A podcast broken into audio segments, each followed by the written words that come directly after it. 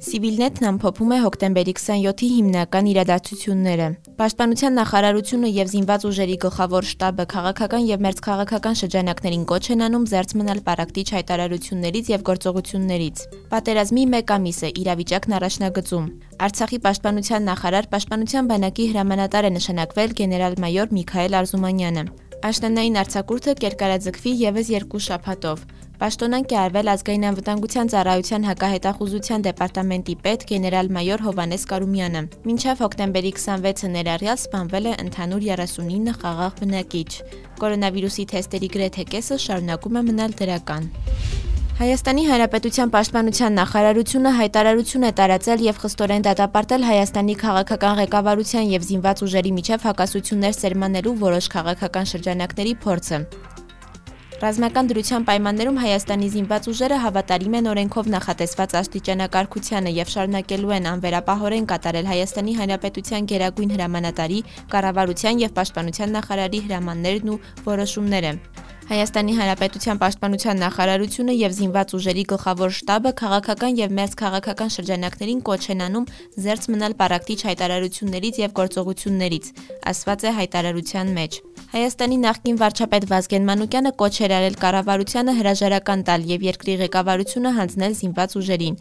Մանուկյանի հայտարարությունը բուրըն քննադատության է արժանանում սոցցանցերում եւ լրատվամիջոցներում։ Գիշերվա ընթացքում Արցախ-ադրբեջանական հակամարտության գոտում պահպանվել է հարաբերական կայուն լարված իրադրություն։ Առանձին հատվածներում շարունակվել են հրետանային մենամարտեր, հաղորդում է Պաշտպանության նախարարությունը։ Այսօր առավոտյան ժամը 10:00-ից 10:15-ի սահմաններում ադրբեջանական կողմը անօթաչուներով, որոնցից մեկը ընկել է Հայաստանի Հանրապետության տարածքում եւ հրթիռահրետանային միջոցներով հրետակոծել է Հայաստանի Հանրապետության հարավային սահմանի Իրանի հետ հատման կետի հայկական սահմանապահ ուղեկալի դիրքերը։ Օրվա ընթացքում հակառակորդը շարունակել է կրակ վարել Հայաստանի Հանրապետության հարավային սահմանի ուղությամբ։ Կան վիրավորներ։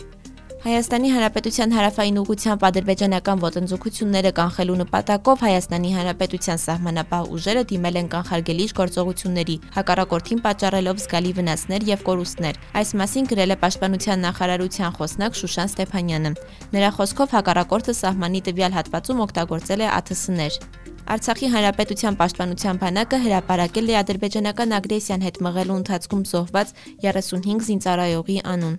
Սեպտեմբերի 27-ից մինչ օրս հրապարակվել է զոհված 1006 զինծառայողի անուն։ Մինչև հոկտեմբերի 26-ը ներառյալ Ադրբեջանի կողմից քաղաքացիական բնակավայրերի թիրախավորման արդյունքում սպանվել է ընդհանուր 39 խաղաղ բնակիչ, որից 1 մանկահասակ աղջիկ, 7 կին եւ 31 տղամարդ։ Այս մասին հայտնում է Արցախի մարդու իրավունքների պաշտպանի աշխատակազմը։ Մարմնական վնասվածքներ է ստացել ընդհանուր առմամբ 122 մարդ։ Արցախի 150 բնակավայրերին հասցվել է նյութական մեծ վնաս։ Արցախի պաշտպանության նախարար Պաշտպանության բանակի հրամանատար է նշանակվել գեներալ-մայոր Միքայել Արզումանյանը։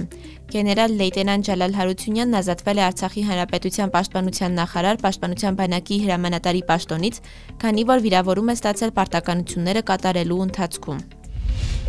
Կրթության, գիտության, մշակույթի եւ սպորտի նախարարությունը հայտնել է, որ աշնանային արձակուրդը կերկարաձգվի եւս երկու շաբաթով, մինչեւ նոյեմբերի 12-ը ներառյալ։ 12-րդ դասարանցիները հոկտեմբերի 30-ից կշարունակեն ուսումնառությունը հեռավար ձևաչափով եւ ուսումնական տարին կավարտեն ինչպես նախատեսված է հունիսի 4-ին։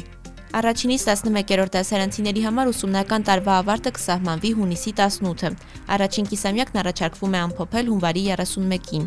Որոշումը պայմանավորված է համավարակի տարածմամբ եւ առողջապահության նախարարության ցուցմամբ։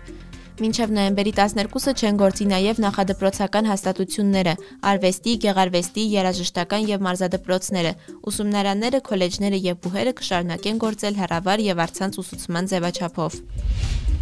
Իրանի փոխարտգործնախարար Սեյեդ Աբաս Էրաղչին կայցելի Բաքու, Մոսկվա, Երևան եւ Անկարա, փորձելով առաջ մղել Իրանի դերը Ղարաբաղյան հակամարտության կարգավորման գործընթացում։ Հոկտեմբերի 27-ին ավելի վաղ Էրաղչին այցելել է Իրանի սահմանային շրջաններ։ Այցի ընթացքում Էրաղչին հայտարարել է, որ Իրանի համար իր սահմանային շրջանների, ամբարտակների եւ բնակավայրերի անվտանգությունը շատ կարեւոր է եւ Թեհրանի կարմիր գիծն է։ Ղարաբաղյան հակամարտության հետևանքով դրանց անվտանգությունը չպետք է խաթարվի։